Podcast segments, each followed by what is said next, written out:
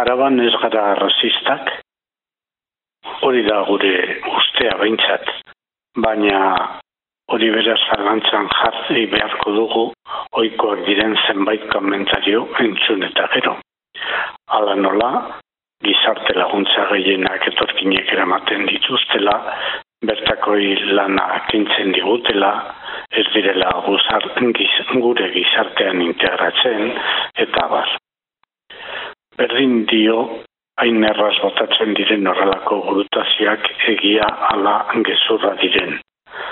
Zurumurroek ez dute ziurtagiririk behar sinetxiak izateko lasai asko botatzen dira fake news tankerako sasi egia hoiek eta inor gutxik egiten di aurre. Arrazakeriaren zantxuak antzematen dira gurean bai eta kezkagarria da. Izan ere, bide bereti jarretu ezkero, jarrera xenofoboak eta getoak nagusitzeko arriskua badago araban ere baina zergatik piztu zaie kanpotar horien migratzeko grina? Apetak eman da, la modu duinean bizitzeko premiak ultzatuta? Zergatik hartzen dute zer gerta ere Europara llegatzeko arriskua?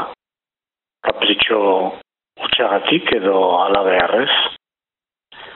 Gainera, gu ez gara nor bizitza duina bilatzen dutena kritikatzeko, zerratik izan beharko dugu bertako ketorkinek baino eskubide gehiago ongi izateaz gozatzeko? Zein da gure meritua horretarako? Hemen jaio izena?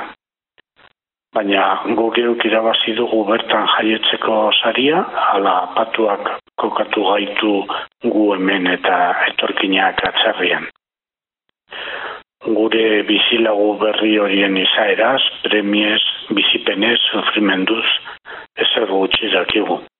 Eta oikoa da, ez ezagunaren aurrean mesfidantza, bezorro sartuazuna, eta susmotxarrak.